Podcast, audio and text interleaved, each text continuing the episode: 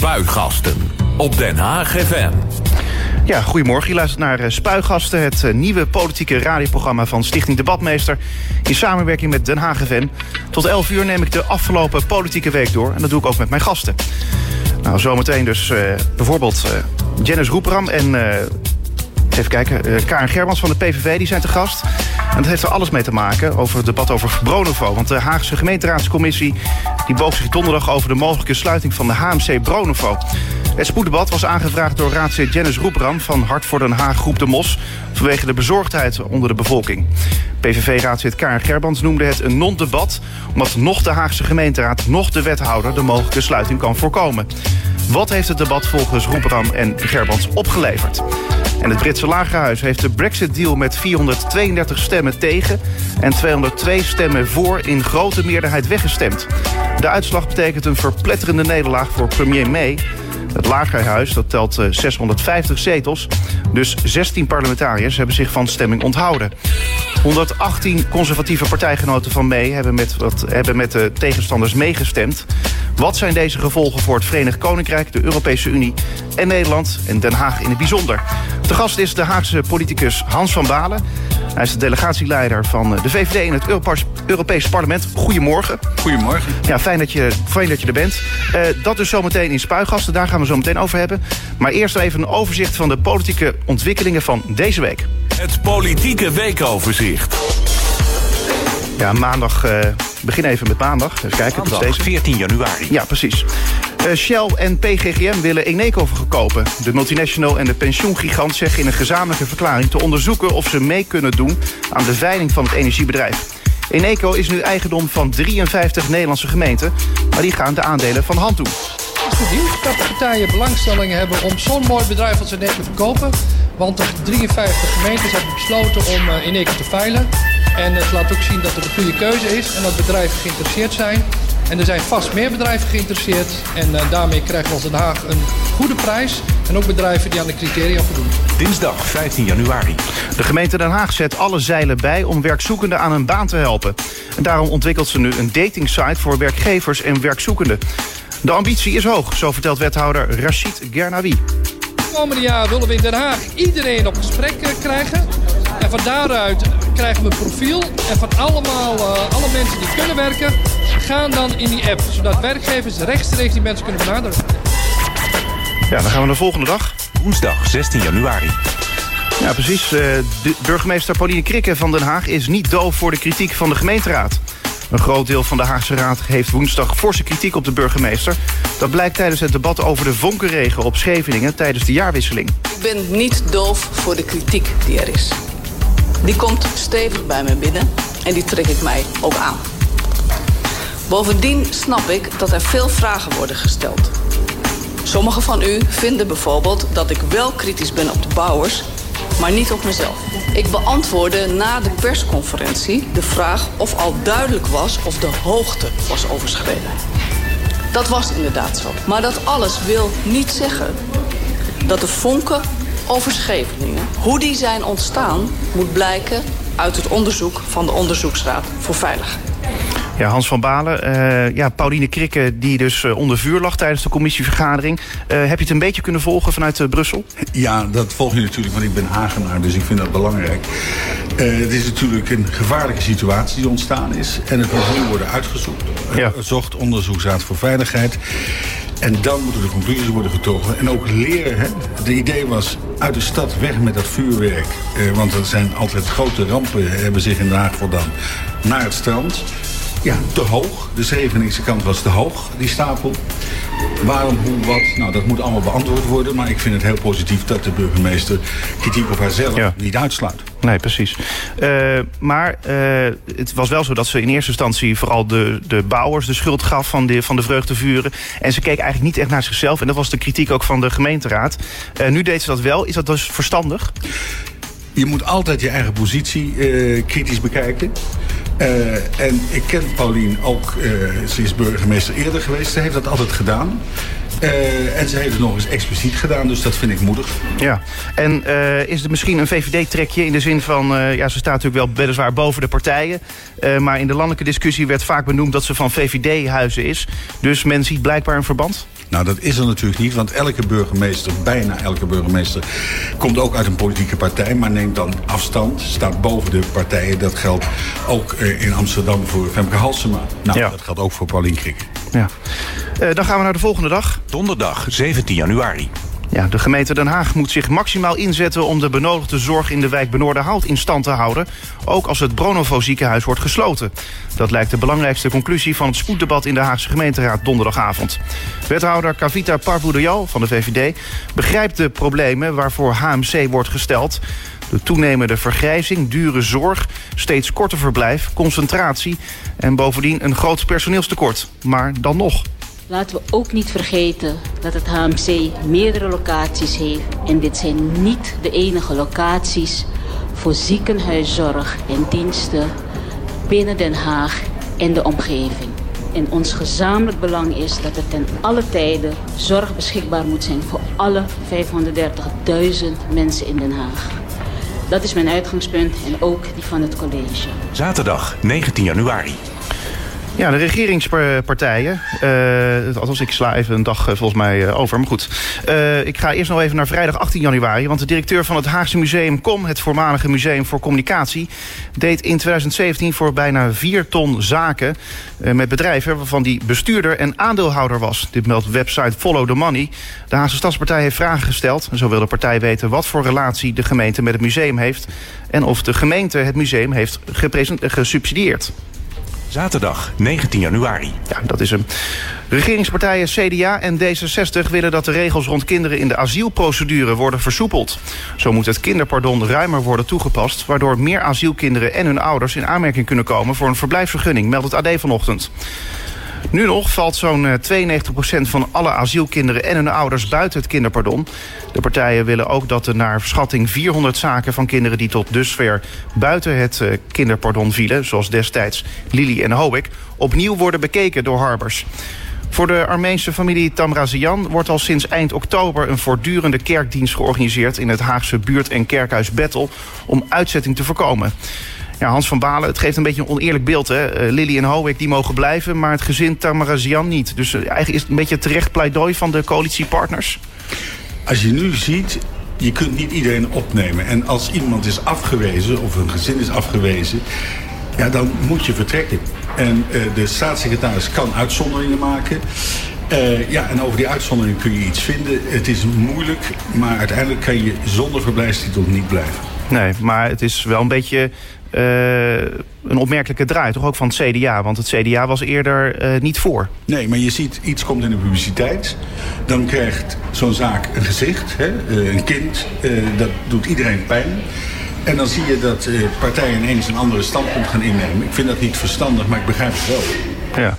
Maar eh, zou deze actie misschien ook iets te maken kunnen hebben met het feit dat eh, dat interview met Klaas Dijkhoff, eh, dat hij gaf over het klimaatakkoord in de Telegraaf, waarin hij zei dat hij niet gebonden is aan het akkoord en dat vervolgens voor heel veel irritatie leidde eigenlijk bij die coalitiepartners? Ja, maar dan ga je dat niet uitvechten over asielprocedures.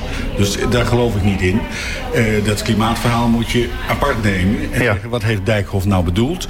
Hij zegt, de doelstellingen moeten we halen. Maar het wil niet zeggen dat al die maatregelen die voorgesteld worden... één op één moeten worden doorgevoerd. Dus wel de doelstellingen, maar hoe, daar moet nog over gesproken worden. Ja, maar als je dit soort eh, dingen hoort in de media, is het dan een beetje merkbaar dat de provinciale staatverkiezingen eraan komen? Elke verkiezing eh, heeft zijn consequenties. Dus natuurlijk wordt er gekeken naar de statenverkiezingen. Want die leveren uiteindelijk ook op een Eerste Kamer. Nou, heeft de coalitie daar wel of niet een meerderheid. Dus iedereen kijkt altijd naar verkiezingen. Er komen daarna nog de Europese verkiezingen. Daar zal ook naar gekeken worden. Ja. Ja. Dan nog iets anders. Er is iets aan de hand bij de VVD, schrijft eh, Wiegel in zijn eh, column in de Telegraaf. Ik weet niet of je hem gelezen hebt. Ik heb hem nog niet gelezen. Oké. maar- Nou, in ieder geval eh ereleden van de VVD, onder wie Kort, Korthals Altes en Wiegel... die bepleiten te vergeefs bij eh, VVD-bestuur voor de prolongatie van de Kamervoorzitter Ankie Broekers-Knol als lid van de Eerste Kamer. Maar de VVD hield vast eh, aan het besluit. Ze staat namelijk niet meer op de lijst. En eh, had je eigenlijk ook liever gezien dat eh, Ankie Broekers-Knol nog mocht blijven? Ik vind het een hele sterke voorzitter. Dus ik had dat ook graag gezien. Maar er is anders besloten. Ja. Ja. maar snap je dat vanuit de VVD? Ik vind, je moet altijd vernieuwing hebben. Hè? Daarom ben ik ook zelf, heb ik gezegd, tien jaar is genoeg in het Europese parlement. Dan komt er weer een nieuw iemand, dat is belangrijk. Maar soms kan je ook een uitzondering maken. En uh, mevrouw Broekers uh, is een prima voorzitter. Maar ja, ik zit niet in het bestuur van de VVD. Dus ik kan die uitzondering niet maken. Nee, duidelijk. Uh, tot zover het politieke weekoverzicht. Meer nieuws vind je natuurlijk op de website van denhageven.nl. Spuigasten. Het was een historische avond in Engeland en ook in Europa waren alle ogen gericht op Londen. Want er werd gestemd over het Brexit-akkoord dat premier May sloot met de EU. Het werd een grote nederlaag voor May. Ik praat erover met eh, Hans van Balen, delegatieleider namens de VVD in het Europees Parlement. Ja, Hans, even misschien een sportvraag. Eh, wat ging er door je heen toen je dat hoorde? eigenlijk hetzelfde als mensen die het volgen. Dit was voorspeld. De vraag was hoe groot is haar nederlaag en die is heel groot. Ja. En dat betekent, er is een deal tussen zeg maar, de 27 uh, lidstaten van de Europese Unie en Groot-Brittannië. Uh, hoe je voorkomt dat er allerlei problemen ontstaan als Groot-Brittannië uit de Unie vertrekt. Dat is voedselveiligheid, noem maar op. En uh, die deal ja, gaat niet door de Commons, door het lagerhuis. Dat lukt niet. Dan is er dadelijk een brexit, dus een scheiding zonder overeenkomst. Nou, dan wordt het voor Nederland, voor andere Europese landen en voor Groot-Brittannië vreselijk moeilijk om zaken te doen. Dat gaat banen kosten. Uh, dus de vraag is wat nu? Want zij is niet afgezet. Hè? De nee. Daarna kwam er een motie van wantrouwen en die is niet aangenomen. En ze moet eigenlijk aanstaande week weer met een nieuw plan komen. Nou, dat lukt niet, denk ik. Dat gaat niet lukken. Nee.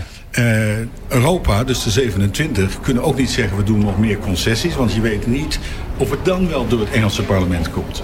Uh, dus eigenlijk, de Engelsen zijn aan zet. En dat betekent of een tweede referendum, dat de bevolking mag zeggen, gaan we door. Of verkiezingen. En dan zou de inzet zijn, brexit wel of toch blijven. Uh, dat zijn eigenlijk de twee belangrijkste mogelijkheden. Of er is een artikel in het Europees Verdrag dat de Britten zouden het kunnen terugtrekken. Eenzijdig. En dan blijven ze lid. Dus aan hen nu die keuze. Ja, uh, laten we nog even teruggaan. Want uh, vooraf werd door uh, meerdere mensen eigenlijk wel voorspeld... Hè, dat het akkoord het niet zou halen. dat dacht je ook? Ja, want je, je kon gewoon uh, tellen dat de hele oppositie was tegen dat akkoord. Om allerlei redenen. Ja. En ook veel uh, leden van de Tory Party, van de Conservatives, waren ook tegen. Dus ja, de vraag was alleen hoe groot is de nederlaag? En wat ik zei, die is dus heel groot. Ja. Uh, we lazen in de media vooral deskundigen die zeiden dat deze deal het niet zou halen.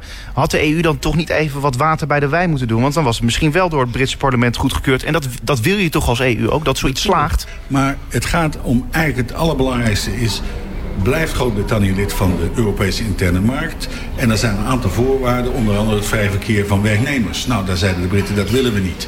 We willen ook niks meer te maken met het, uh, te hebben met het Europees Hof van Justitie. Ja, dan is het heel goed. Er is toch een deal gekomen. En ik zie niet van de Europese kant, dus van de 27, hoe je verder kan gaan. Omdat je niet weet of het House of Commons, het lagerhuis, dan wel ja zegt. Ja. Uh, premier Rutte die reageerde op het uh, wegstemmen van de Brexit-deal door het uh, Britse parlement. Hij vindt het teleurstellend dat het misging... en zegt dat de Britten nu met een ander voorstel moeten komen. Zoals je net ook al zei. En de EU die gaat die deal niet eenzijdig veranderen, zei ook Rutte. Het lastige hier is het volgende. De Britten hebben heel veel eisen gesteld hoe zij eruit willen. Maar iedereen realiseert zich ook, als je al die eisen hebt... Hè, bijvoorbeeld geen vrij verkeer, bijvoorbeeld geen lidmaatschap van de douane-Unie... is dit de enige optie. Zouden zij bewegen op die eisen... Ja, dan kun je kijken of je nog andere afspraken kunt maken. Maar gegeven al die eisen is het niet de halstarrigheid aan onze of aan hun kant. Is dit het enige wat kan. Ja, Hans van Balen, ik, ik vind het een beetje gek. Want uh, de, de, de Britten moeten dus met een ander voorstel komen. Maar hoe kan het nou na maanden onderhandelen... Uh, tot een gunstige uitkomst uh, leiden dan voor de Britten... en niet ongunstiger worden voor de EU? Is toch gewoon een mission impossible? Ja, dat, dat wordt vaak gezegd. In dit geval, we hebben nog tot 29 maart. Dan is de scheiding daar. Ja. En je weet, als je zulke deadlines hebt... dan kan er nog wel eens in nachtelijke vergadering dat je er toch uitkomt. Ja. En dat is wat Mark Rutte zegt. En hij zegt ook, als we zo dichtbij zijn... kunnen we misschien nog wat extra tijd nemen. Dat kan allemaal. Uh, maar dan moeten de Britten precies zeggen wat ze willen. En tot nu toe hebben ze daar erg lang mee gewacht. En ze zijn verdeeld. De 27 EU-landen zijn het eens. Uh, dat is ook opmerkelijk. En de Britten zijn totaal verdeeld. Uh, de Sociaaldemocraten hebben een hele moeilijke relatie met Europa. Willen eigenlijk wel weg en toch ook weer niet. De Liberal Democrats zijn te klein, de Groenen zijn te klein. En de Tories zijn totaal verdeeld. Dus Mark Rutte zegt terecht, de bal ligt bij hun. Maar als zij met een goed voorstel komen, uh, ja, dan, uh, wat ze kunnen verdedigen in het lagerhuis, hè, wat daardoor komt, zijn wij niet doof. Nee, maar uh, je zei het net ook al, premier May die kreeg nog een motie van wantrouwen aan haar broek. stel dat die motie zou zijn aangenomen, dan zou de chaos compleet zijn, lijkt mij. Ja, of dan moeten er nieuwe verkiezingen komen binnen zes weken, dus dat is een korte termijn. En dan zou het gaan in die verkiezingen waarschijnlijk wie is voor brexit en wie wil blijven dan was er misschien meer duidelijkheid gekomen. Nu is er veel onduidelijkheid gebleven. Een premier die eigenlijk geen vertrouwen heeft, gezien dat voorstel wat zo is afgewezen, mag blijven zitten bij gebrek aan beter. Nou, dat is een hele slechte situatie voor mijzelf, maar ook voor uh, eventuele verdere onderhandelingen. Ja, uh, de EU die, eh, die, die laat zich nu een beetje leiden door die, door die Britten. Uh, maar het zou toch veel beter zijn als de EU zich wat actiever opstelt... Om ja, die deal dan toch nog tot een succes te maken. Want ik heb het idee dat de EU zich een beetje afzijdig houdt. Van, ja, we, we zeggen alleen maar, we gaan de deal niet eenzijdig veranderen. Nee, maar Mark Rutte gaf al aan. En Barnier, dat is een oud-Franse minister, oud-eurocommissaris... is de onderhandelaar namens de 27. Uh, er zijn mogelijkheden. Als de Britten in de douane-unie blijven is dat voor hen goed en voor ons goed? Waarom willen ze dat niet? Uh, hetzelfde geldt voor vrij verkeer van werknemers is voor ons allemaal goed. Hè? Uh, de rechten van de Britten in de Europese Unie, de rechten van de burgers, bijvoorbeeld de Nederlandse burgers in, in Groot-Brittannië. Dat moet zeker. Geen harde grens tussen Noord-Ierland en de Republiek. Daar komt men helemaal niet uit. Dus dat ligt echt aan de kant van de Britten. En je kunt van onze kant niet zeggen, we gaan nog eens proberen iets te doen waarvan we niet zeker weten dat het door het Engelse parlement komt. Ja. Uh, want daar moeten we zekerheid over hebben. Dan kun je eventueel bewegen. Nou, Rutte geeft al aan dat hij wel iets ziet. Een mogelijkheid van misschien kort uitstel. Hij is een van de meest uh, belangrijke Europese leiders. Zit er erg lang, heeft heel ervaring. Is goed met mee en met de anderen. Dus Mark Rutte kan mogelijk een rol spelen. En zal het ook doen. Ja, maar jij zegt eigenlijk van op het moment dat uh, het uh, steeds uh, heter wordt onder de voeten bij de Britten, dan kan er misschien juist wel iets ja, een beetje vloeibaar worden daar. Ja, dat, dat noemen ze zo mooi. dat is natuurlijk alles ook in het dagelijks leven. Op een gegeven moment moet je beslissen en heel, je komt er niet uit en dan heb je nog een uurtje. En dan kom je er misschien wel uit. Dat kan allemaal. Ja. En in Europa is het ook geweest dat met onderhandelingen over landbouw ze de klok stilzetten. Dus officieel was de deadline niet verstreken. Men onderhandelde nog een dag door. De klok stond stil. Dus in zoverre is in de Europese Unie alles mogelijk. Eh, omdat je er samen uit moet komen. Ja, ja. Uh, maar heb jij er een beetje fiducie in? Denk je dat het gaat lukken? Nou, hou me er vooral aan. Uh, ik denk dat een tweede referendum uh, zal er komen. Dat het, de Commons, dus het Lagerhuis, zal dat willen. En dan kunnen de Britten nog een keer zeggen erin of eruit. Als ze zeggen eruit, ja. Uh, en er is geen deal, dan is dat voor iedereen slecht. Maar dan is er duidelijkheid wat de bevolking wil. De bevolking is eigenlijk ook bedrogen door een deel van de conservatieve partij. Die zeiden er komen miljarden bij voor de gezondheidszorg. Ja. Is, hoezo? Waarvan dan? Nou, uh, nu zijn er veel meer feiten. Dus ik vind dat de Britten nog een keer kunnen beslissen. Maar dat is aan hen ja, uh, er heerst natuurlijk heel veel onzekerheid uh, daarover in de politiek, maar natuurlijk ook economisch. Uh, het houdt het natuurlijk, natuurlijk met elkaar verband ook, dat lijkt me evident.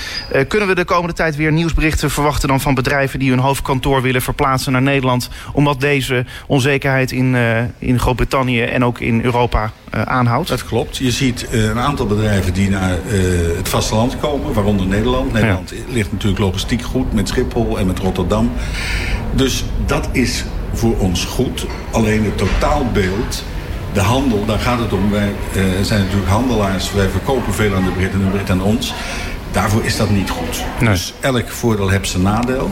Zei Cruijff ooit. En ja. ook omgedraaid. Ja. Dus het is mooi dat er bedrijven naar uh, Nederland komen met hun hoofdkantoor. is goed.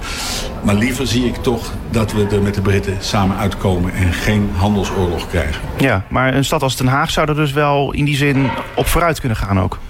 Ja, uh, dat, er zijn hier ook veel bedrijven uh, die met Groot-Brittannië zaken doen. Dus misschien zijn er ook Britse bedrijven die denken, we gaan hier. Hier naartoe, geen gedonder. Zijn dat misschien geluiden die jij, want jij zit in Brussel en jij, jij komt nog wel eens ergens. Zijn dat geluiden die jij dan hoort? Zeker, en er wordt allemaal afgewogen, want het is nogal een beslissing om weg te gaan uit een grote markt als Groot-Brittannië. De Amerikanen hebben een extra goede eh, verhouding tot Groot-Brittannië, maar op een gegeven moment gaat een bedrijf afwegen. En dan is vaak de afweging toch ga naar het vasteland en daarbinnen naar Nederland. Nou, dat is goed, maar het totale plaatje is voor de handel is het niet goed. Nee. Ik dan nog in zekere zin. Den Haag eh, profileert zich natuurlijk als stad van uh, internationale, als internationale stad eigenlijk, van vrede en recht dan weliswaar. Uh, is dit nou niet een, juist een zaak, die brexit, is dat nou niet juist een zaak om als Den Haag op te pakken van wij proberen dat hier in Den Haag misschien te regelen of zo? Ideetje? Ja, ja het is een, een, een, prachtig idee. Er zitten hier allerlei instellingen die hele goede ideeën hebben. Maar het zijn de 27 regeringsleiders, waaronder Mark Rutte en mevrouw May, de 28e nog steeds die moeten eruit komen. En ik heb nog geen voorstellen gehoord die zo innovatief zijn dat je zegt... die handtekening over een half uur kunnen we zetten. Maar natuurlijk moet je hier de expertise die in Den Haag ligt gebruiken, absoluut. Ja, uh, en waar, waar zie je dan, ik bedoel, bij welke instelling uh, zou dan kunnen interveneren of zo? In deze... Ja, interveneren, kijk, je hebt hier de, de Leidse campus in Den Haag... of de Haagse campus van de Leidse Universiteit. Daar zitten knappe koppen, dus uh, het is meer ideeën aanleveren... Eh, want de gemeente Den Haag en de burgemeester van Den Haag kunnen niet zeggen... mevrouw May en uh, meneer Rutte, uh, gaat u zitten, zo moet het. Ja. Helaas. Nee. Uh, nou zei je net al aan het begin van dit programma... Uh, in mei zijn de Europese verkiezingen. Uh, jij hebt al eerder aangekondigd niet terug te zullen komen. Malik Asmani is de ja. nieuwe lijsttrekker namens de VVD. Ehm, ja, ik denk dan wel weer van... Ja, vind je dan niet stiekem toch wel een beetje jammer... dat je dan de EU een beetje in straks dit ongewisse achterlaat... over deze Brexit-deal? Nou, ik denk niet dat de EU daar enorm schade van ondervindt. maar tien jaar is lange tijd. Er is een goede opvolger, Malik Asmani. Hè, die is zich ook bezig met immigratie in de Tweede Kamer. Dus op een gegeven moment moet je durven zeggen... het is tijd. En hij kan dan de komende vijf of de komende tien jaar... weer een enorme draai aan de zaak geven. Ja. Uh, blijf ik het volgen? Ja, ik ben voorzitter van de Europese Liberalen. Dat staat los van het Europees Parlement. Dat zul je ook nog wel een tijdje blijven dus? Ja, uh, en dat zal ik blijven volgen. Ik zal daar mijn best in doen. En ik ben nu, maar dat weet je, aan het kijken... wat voor hoofdbaan ga ik... Uh, nemen. Of ja. ga ik accepteren. Uh, waarbij ik ook dit soort zaken erbij kan doen. Ja, uh, in een laatste interview dat ik uh, met jou las... toen zei je van dat je er nog niet heel veel over kon zeggen. kan je er inmiddels al wat meer over zeggen? Als ik er iets over kan zeggen, laat ik jou dat weten. want, laten we zeggen, er zijn een aantal mogelijkheden. Bedrijfsleven, de academische wereld. maatschappelijke instellingen. Daar moet je goed naar kijken. En dan moet je kijken, hoe kan ik daar mijn politieke interesse nog laten gelden. Ja. Nou, uh, je zult het weten als ik het weet. Oké, okay, nou dan uh, gaan we dat uh, volgen. Je luistert naar Spuigasten, het politieke radioprogramma op Den Haag FM. De Haagse gemeenteraadscommissie boog zich donderdag over de mogelijke sluiting van HMC Bronovo. Het spoeddebat was aangevraagd door raadslid Jennis Roebram van Hart voor Den Haag Groep de Mos... vanwege de bezorgdheid onder de bevolking. PVV-raadslid eh, Karen Gerbrands noemde het een non-debat... omdat nog de Haagse gemeenteraad, nog de wethouder... de mogelijke sluiting kan voorkomen. Wat heeft het debat nou volgens Roepram en Gerbrands opgeleverd? Dat hoor je zo meteen. Maar eerst nog even de raadsleden Marieke van Doorn van D60... en Hanne Dros van de SP over de sluiting van Bronovo. Omdat we heel veel zorgen van uh, Hagenaars hebben binnengekregen over uh, Bronovo. Wij vinden het als SP onacceptabel dat er een ziekenhuis in Den Haag sluit. Uh, dat heeft heel veel te maken met toegankelijke zorg, bereikbare zorg, veilige spoedzorg. Het gaat om banen van zorgverleners. Ja, Janice, jij hebt het debat aangevraagd. Waarom had je dat debat aangevraagd? Um, ja, Iver, allereerst natuurlijk goedemorgen. Goedemorgen. Ik heb het, uh, wij hebben het debat uh, aangevraagd, Hart voor Den Haag, Groep de Mos... omdat er ontzettend veel onrust heerst binnen onze stad. Den Haag, Scheveningen, onder de bewoners... maar ook personeel zoals medisch specialisten. dus vandaar dat wij... en ook, ja, ik heb er in eerste instantie schriftelijke vragen over ingediend in december. Ehm, maar toen kwam het geheime rapport naar boven... En nou ja, nog meer onrust in de stad. Dus dat, dat waren onze beweegredenen om het debat aan te vragen... om duidelijkheid te verschaffen voor de burgers van Den Haag en Scheveningen. Maar Janice, ik denk dan wel van als je al schriftelijk vragen hebt gesteld...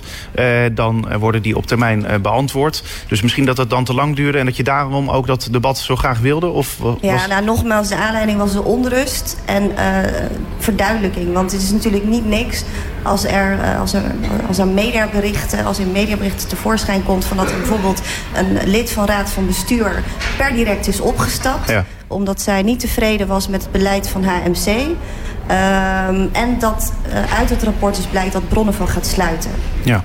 Uh, Karen Gerband van de, de PVV. Ook goedemorgen trouwens. Goedemorgen. Uh, ja, jij noemde het debat onzinnig. Non-debat vond je het. leg nog even uit waarom. Nou, ik vond het uh, een, een non-debat en een debat voor, uh, voor de bühne. Uh, punt 1, omdat wij er als gemeenteraad niet over gaan. En punt 2, omdat dit proces al sinds 2015 in gang is. Toen is al aangekondigd dat de verloskundige hulp zou stoppen. In 2017 is de intensive care daar al gesloten. Dat is een proces wat al veel langer loopt. En... De verduidelijking die werd aangekondigd hè, als reden voor, uh, uh, voor het debat. Het heeft denk ik alleen maar meer onrust uh, veroorzaakt door alle dingen die over tafel werden gegooid die niet gestaafd zijn met wat voor bewijzen dan ook. Dus ik denk in dat opzicht dat het alleen nog maar meer onrust heeft veroorzaakt en daarom is het gewoon een slechte zaak. Ja, toch deed je wel mee aan het debat. Ja, uiteraard. Als er een debat is, moet, uh, moet je het voeren. En dan moet je ook uitleggen waarom je het een, uh, een non-debat vindt. Ja. En dat heb ik ook uh, proberen te doen. Maar je zou ook kunnen zeggen, je blijft gewoon weg. Want dan hit je de boel in die zin ook niet op, toch? Nou, ik heb geprobeerd om wat uh, duidelijkheid te, te verschaffen. Hè. En uh, er werd onder andere ook uh, geroepen van de bereikbaarheid en ambulances zouden allemaal in de file en uren voordat je bij een spoedeisende hulp komt. Terwijl er gewoon onderzoek naar gedaan is al. Waaruit blijkt dat dat gewoon niet het geval is. Dus ik zie het dan ook als mijn taak om dan wel even de juiste feiten boven tafel te brengen. Dus dat heb ik geprobeerd te doen donderdag. Ja, en je hebt ook geprobeerd om Janice duidelijk te maken, Janice Roepram van Hart voor Den Haag Groep de Mos, dat dit wat eigenlijk helemaal niet gevolgd zou moeten worden. Uh, Janice, uh, heeft Karen niet een punt in de zin van... ja, het, uh, het debat is gewoon sowieso prematuur om het nu te voeren... En omdat het nog, natuurlijk nog ver van tevoren is voordat de sluiting er is. Want het is, gaat over een mogelijke sluiting. En dan heb je ook nog dat je niet weet of het daadwerkelijk wordt gesloten. Nou, um, nogmaals, um, um, onrust in de stad, onrust onder personeel... een geheim rapport wat ineens naar boven komt...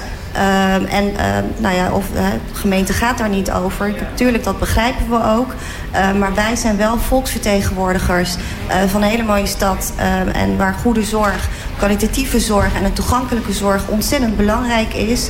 Het treft wel onze stad. Het treft wel uh, de Hagenaars die zorgpremie betalen. Uh, ook de mensen uit Scheveningen. Uh, denk, ja, wij denken dan inderdaad van... RTL Nieuws komt dan met een bericht over de lange wachttijden... de lange wachtlijsten in ziekenhuizen. Nou, wij maken daar ons enorm veel zorgen over. Ja. Hoe is het gesteld met de wachtlijsten in, in de Haagse ziekenhuizen? nou ja, Bronnenval gaat sluiten. Het Westeinde blijft overeind. Er worden ja, personeel. Wat gebeurt er met het personeel? Waar, waar gaan die naartoe? Uh, de medisch specialisten hebben een concurrentiebeding. Ik heb een aantal medisch specialisten ook gesproken. Uh, de huisartsen in die omgeving zijn ook woedend. Uh, dus voor ons nogmaals genoeg aanleiding. En de gemeente gaat er niet over. Uh, we hebben ook een bestemmingsplan, bestemmingsplan zorg. En daar gaat de gemeente wel over. Ja, Karin, zijn er niet allemaal uh, goede punten van uh, Janice Roepram... om toch dat, dat het goed is dat er zo'n debat is geweest? Nee, want het is gewoon voor een groot gedeelte ook speculatie. Er wordt heel spannend gedaan over een geheim rapport. Mm -hmm. Dat is gewoon het rapport wat in opdracht van het Haags Medisch Centrum is opgesteld... Ja. om de toekomstscenario's uit te denken. Het rapport van KPMG, dat, toch? Ja, en kan je dat wel een heel spannend een geheim rapport noemen. Maar dat is gewoon de opdracht die ze hebben gehad van... joh, ga eens bekijken uh, voor de toekomst van Den Haag. Wat zijn onze mogelijkheden? Um, vervolgens vind ik dat, dat er... Er is echt stemmingmakerij, hè? Um, uh, medisch specialisten zouden nergens heen kunnen. Nou, de meeste medisch specialisten die in Bonneville werken... die werken ook al op de locatie Westeinde. Want het is al allemaal heel erg opgesplitst en verdeeld. En voor een gedeelte overgeheveld zelfs al. Dus het is, het is allemaal stemmingmakerij. En uh, je geeft uh, aan dat je de onrust bij de burger weg wil nemen. Maar wat je doet is de burger valse hoop geven. Want wat mevrouw uh, Roepram van Groep de Mos heeft gedaan... is suggereren dat wij als gemeente dat ziekenhuis wel open kunnen houden. En als ik dan hoor van uh, wij zijn uh, volksvertegenwoordigers en we zijn voor bereikbare goede zorg, dan denk ik, dan had je moeten beginnen met niet te bezuinigen op de WMO, niet te bezuinigen op het welzijn. Want dat is wat wij als gemeenteraad kunnen doen voor goede bereikbare zorg. Ik zie Janice uh, nee knikken. Nee, ja, dat klopt. Um, ehm, ja, nogmaals, de zorgen, want het is niet stellingmakerij. Wij geven gewoon gehoor aan de burgers van Den Haag. Zij willen duidelijkheid hebben. En duidelijkheid, het debat is natuurlijk... Maar welke duidelijkheid hebben ze dan nu gehad? duidelijkheid, we hebben dus inderdaad een spoeddebat gehad. Alle partijen hebben hun visies daarop kunnen geven. Het is belangrijk voor ons ook om te weten wat is de visie van de wethouder. En wat ook ontzettend belangrijk is, is dat wij input geven als volksvertegenwoordiger, als, uh, van verschillende fracties, wat wij meekrijgen van de burgers. Dus dat vind ik wel degelijk ontzettend belangrijk. En we hadden natuurlijk ook een aantal sprekers, die hebben ook uh, hun verhaal gedaan, hoe zij erin staan. Ja. Maar goed, dat, dat hadden ze allemaal, iedereen had alles in een soort van een klein briefje kunnen meegeven aan de wethouder. Want als de wethouder er niet over gaat, wat heeft het dan voor zin om een debat daarover te voeren? Nou, de wethouder, het is belangrijk als hij inderdaad die input krijgt. En er volgen natuurlijk nog gesprekken met het bestuur van HMC... om die input ook mee mee te geven aan het bestuur van HMC. Uh, zo hebben verschillende partijen ook vragen gesteld over de financiële situatie van HMC. Ja, nogmaals, het rapport komt ineens plotsklap, bereikt, het, bereikt het ons allen. En er worden dingen inderdaad aangegeven. Ik krijg natuurlijk heel veel input. Waar wij ons ontzettend veel zorgen over maken. En niet alleen wij. Is ook een petitie ondertekend. Laat het ook even duidelijk zijn. Dat, dat komt ook niet ineens uit de lucht vallen. Nee, maar goed, daarvan is de wethouder ook op de hoogte. Dus in die zin, uh, hoeveel, heeft het dan, hoe, hoeveel zin heeft het dan om een debat erover te voeren... als je er toch niet over gaat? Nou ja, nogmaals, uh, wat belangrijk is... is dat de, de wethouder ook input krijgt van ons vooraf voor volgende week als HMC-bestuur met, uh, met, uh, met hun verhaal komen van wat, wat de plannen zijn, wat er precies gaat gebeuren. Uh, en nogmaals ook een signaal geven naar de burgers van Den Haag, van Scheveningen, van dat wij ons ook zorgen maken, de, visie, de verschillende visies ook laten zien aan de burgers van hoe wij als partij erin staan. Ja, uh, Karin Gerbrands, heeft het debat nou eigenlijk iets uitgehaald volgens jullie? Nou, allereerst wil ik nog even zeggen, dit was dus weer puur een sterk stoute stemmenmakerij van Groep de Mos. Om over die financiële situatie te beginnen. Punt 1 heeft al in de media gestaan dat daar onderzoek naar gedaan is. Dat het een financieel gezond bedrijf is. Ja, en dat heeft de wethouder ook gezegd trouwens. Afgelopen donderdag bevestigd door de wethouder. En toch weer beginnen over de financiële situatie. En dat is wat ik bedoel. Daar maak je mensen alleen maar super ongerust mee. De duidelijkheid die mevrouw Roepram wilde, uh, ze geeft er geen antwoord op. Dus wat is er nu duidelijk geworden? Ja, dat Groep de Mos voor de bühne roept van uh, het mag niet dicht. En sterker nog, ze heeft de burgers doen geloven dat mocht het Bronnenvouw sluiten, dat Groep de Mos ervoor gaat zorgen dat wij die grond uh, kopen en zelf een ziekenhuis beginnen. Ze heeft geen flauw idee waar ze het over heeft, want dat kan namelijk helemaal niet. Maar dat is wel de belofte die ze doet. En dat is gewoon de, de bevolking van Den Haag en zeker in die regio uh, vals voorlichten. Ja, en nu nog even van wat het debat heeft uitgehaald? Nou ja, helemaal niks uh, uh, uiteindelijk. Ja, dat iedereen uh, zijn zegje heeft kunnen doen. En ja. wat mij betreft heeft het uitgehaald dat bewezen is dat het een debat voor, voor, de, voor de bühne is geweest. Dat wij gewoon af moeten, moeten wachten. dat de wethouder het, het, daarbovenop zit hè, qua communicatie en, en dat soort dingen. En wat mij betreft dat het een zorgvuldig proces gaat worden. En ik vind dat dat wat meer gezegd moet worden. Hè. Niet dat dadelijk ineens er een bordje gesloten staat op de deur. Maar dat het gewoon, mocht het sluiten, dat het een zorgvuldig proces wordt. En ik denk dat dat gewoon meer voor het voetlicht gebracht ja. moet worden. En niet al die, uh, die angstzaaierij. Uh, maar ik denk wel dat jullie beiden blij zijn dat er veel aandacht is voor de zorg. En dat er ook dat veel aandacht is voor, uh, voor het ziekenhuis Bronovo. ja. maar daarvoor koop je niks, Janice. Nee, ja, nogmaals, uh, uh, spoedeisend hulp, uh, wat onlangs vorig jaar is vernieuwd. dat komt te vervallen. Dat, dat, stond, dat zat eerst bij Antonius over, dat is overgegaan naar Bronnevo ziekenhuis. Dus dat, dat valt dan weg. Ja. dat vinden wij zorgwekkend. De lange wacht, wachtlijst, ja, maar dat nu, vinden nu wij zorgwekkend. Het, weer, hè? het is zorgwekkend. Het is niet stellingmakerij, maar het is de input die wij krijgen van de burgers van Den Haag.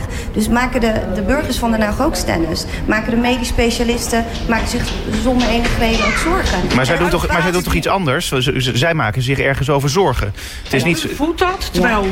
daar hebben we het afgelopen donderdag ook over gehad. Er is onderzoek gedaan door het ministerie... naar de bereikbaarheid van de acute zorg. Dat is de spoedeisende zorg en de acute verloskundige zorg. En daar, die komt niet in het gedrang. En u doet het nu weer van nou ja, dan die ben ik benieuwd, gaat dicht. Dan Verschrikkelijk. ben ik benieuwd. Uh, nou, de Westeinde, het Westeinde ziekenhuis zit in midden in het centrum.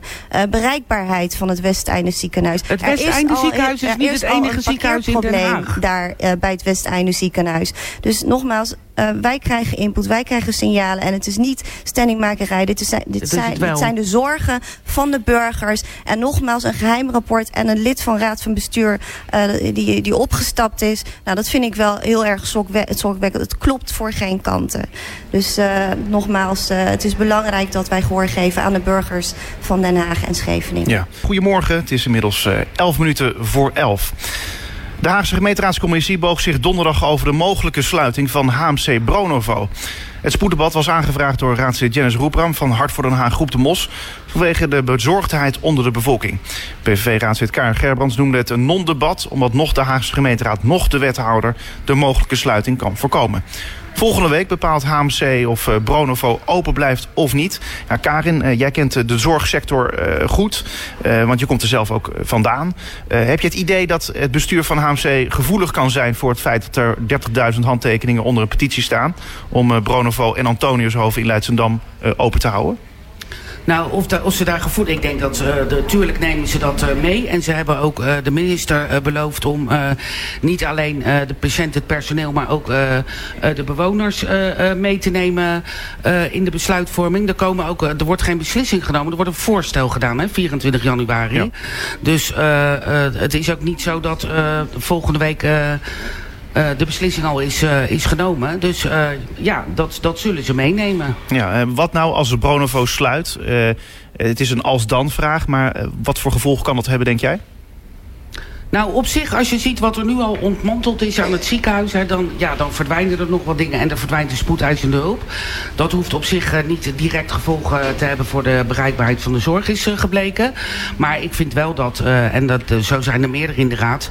dat er iets van een gezondheidscentrum of een buitenpolie of, of zoiets moet komen... dat er, dat er wel zorg blijft op die plek. Hè. Dus daar is de, de vraag ook geweest van zorg dat die bestemming... Uh, voor, voor dat stuk grondzorg blijft. Daar ben ik ook wel voor. En uh, ja, gezondheidscentrum, een huisartsenpost, dat soort dingen moeten daar zeker blijven. Ja. Uh, Janice Roepram van Hart voor Den Haag Groep de Mos. Het is een beetje een doemscenario hè? als Bronovo sluit, wat dan? maar wat denk je dat de gevolgen zijn voor Den Haag? Um, ja, nou ja, we hebben natuurlijk onze zorgen neergelegd bij de wethouder. Uh, nou, de wethouder is daar ook heel duidelijk in geweest dat ze wil afwachten volgende week waar HMC dan mee komt. Uh, dus daar zijn we inderdaad heel erg benieuwd naar. Maar goed, uh, nogmaals, wij maken ons heel erg veel zorgen uh, over de lange wachtlijsten. Het verdwijnen van spoedeisend hulp. Um, ja, um, de zorgen die er zijn. En het ja. mag niet ten koste gaan van kwalitatief goede en toegankelijke zorg. Maar mijn vraag was wat de gevolgen ervan zouden kunnen zijn voor Stad Den Haag. En dan bedoel ik meer op het feit, er zijn meer ziekenhuizen in Den Haag. Ook in de Haagse regio. Wat maakt het uit, stel Bronovo zou sluiten? Um, um, ja, nou ja, net wat ik dus aangaf. Uh, wij maken ons zorgen over, stel je voor, als die, al die patiënten naar het Westeinde ziekenhuis gaat, van wat dan? Hoe gaan ze dat allemaal organiseren? Uh, er zijn al parkeerproblemen daar. ook de aanrijdtijden van, de, nou ja, mevrouw Gerbans gaf dat net aan. ik, wij maken ons daar wel zorgen over. want het, kan natuurlijk heel fataal zijn. Die twee minuten kunnen heel fataal zijn als iemand inderdaad in de ambulance vervoerd wordt vanuit Benoordenhout naar het Westeinde ziekenhuis. Um, uh, ik, als ik heel ja, even mag, ja, hebben het wel over de... Er zijn normen, hè? je moet binnen 45 minuten... Uh, moet jij met een ambulance... Uh, 45 minuten? 45 minuten. Dus het is niet 45 minuten plus 2, hè? Het is 2 minuten meer binnen de ruime marge van 45 minuten. En ik moet zeggen, ik... ik irriteer me er echt mateloos aan, aan die bangmakerij hoor. Want er, er zitten mensen nu te luisteren die denken... oh, uh, dadelijk duurt het 50 minuten voordat ik met hem... Zo is het nou, niet. het is niet bangmakerij. Het is, binnen, het is ook de input die wij krijgen ja, de burgers. Het, het is binnen de normtijd, die is vastgesteld door mensen die er verstand van hebben. Die hanteren wij hier in de regio. Daar vallen wij ruim binnen. Alleen er is een uh, kleine groep mensen binnen de regio rondom het Bronnenvouw... die er twee minuten langer over gaat doen. Maar ruim binnen de 45 minuten die er wettelijk voor staat. Kort, dus kortom, Janice, mensen bang te maken. Ja, kortom, Janice, het valt allemaal wel mee. Nee, wij vinden... Nou, nee, nee. Anders had ik natuurlijk geen spoeddebat aangevraagd. Uh, volk vertegenwoordigt de stem van de burgers van Den Haag en Scheveningen. Wij vertellen aan de wethouder, aan het stadsbestuur... en aan onze, aan onze collega's, aan alle fracties... van wat, wat wij aan input krijgen. En wij vinden dat kwalijk. Wij vinden dat zorgelijk. En uh, nogmaals, ja, vandaar dat we dat spoeddebat hebben aangevraagd. En dan kan mevrouw Gerbans uh, komen van Stenningmakerij. Het komt niet uit de lucht vallen. Er zijn heel veel zorgen binnen onze stad, binnen Scheveningen. Uh, want die, die gaan ook, de Scheveningers gaan ook naar bronnen van ziekenhuis. Ja. De bereikbaarheid, de toegankelijkheid van de zorg en de kwaliteit van de zorg is ontzettend belangrijk. En wij maken ons daar zorgen over. Ja. La laten we nog even luisteren naar wat D60, Marieke van Doorn en Hande Dros van de SP ja, voor oplossingen hebben mocht Bronovo sluiten? Polykliniek uh, of een gezondheidscentrum in het benoorde hout. Maar de gemeente houdt geen ziekenhuizen open. Nou ja, als gemeente kun je wel zeggen van mocht Bronovo sluiten...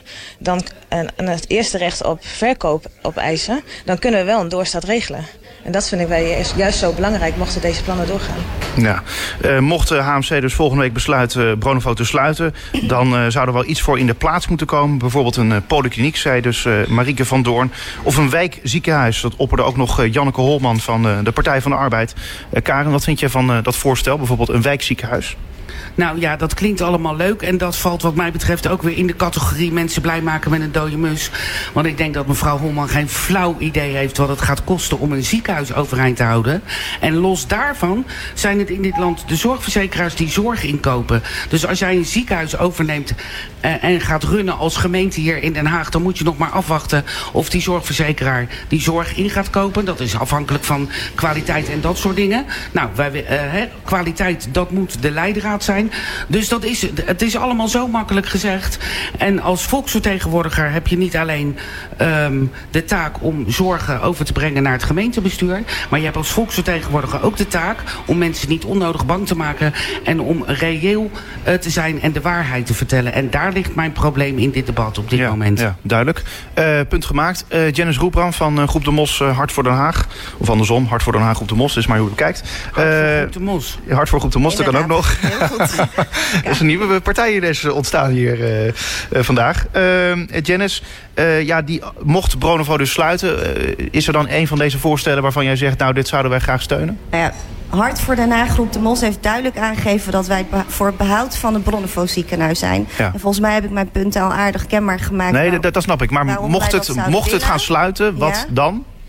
Uh, mocht het gaan sluiten, ja, nogmaals, uh, dat heb ik dus net aange... Wij, wij maken ons zorgen over de consequenties.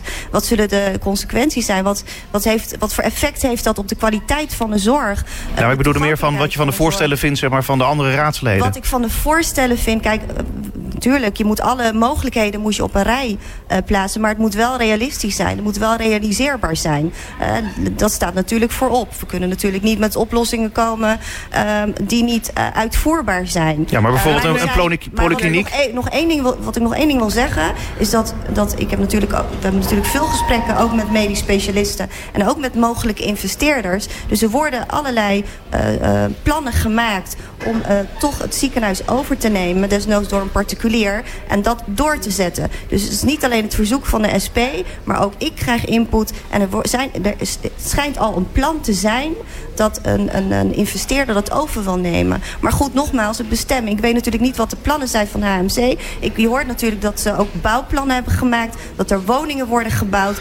En dat is ook een zorgwekkende punt. Dus, dus het komt niet uit de lucht vallen. Er zijn heel veel zorgen. Er worden heel veel dingen aangegeven. En uh, ja, dat, uh, wil, daar wil ik dus, dat wil ik dus aangeven. Ja. Hoe naar elkaar, Gerwans? Je zat net te knikken net.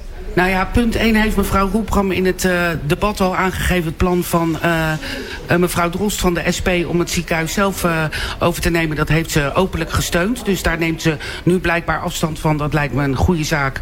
Want ik vraag me af waar je al die honderden miljoenen vandaan wil houden, halen om dat, om dat te doen. En... Um, um, dat was ik, de, de, de, weet je, het is allemaal nog niet bekend. Er wordt gezegd, er zijn investeerders. Nee. Het is allemaal uh, dingen die uh, vanuit de media komen. De SP in de Tweede Kamer heeft gelanceerd dat die bouwgrond 30, 40 miljoen waard is. En dat die wel verkocht zal worden. Ik heb het bewijs nog niet gezien. Nee. Dus laten we gewoon rustig afwachten. En niet doorgaan met speculeren en nog meer onrust veroorzaken. Mooie slotwoorden. Karen Gerbrands van de PVV en Janice Roepman van Groep de Mos Hart van Haag. Dank jullie wel.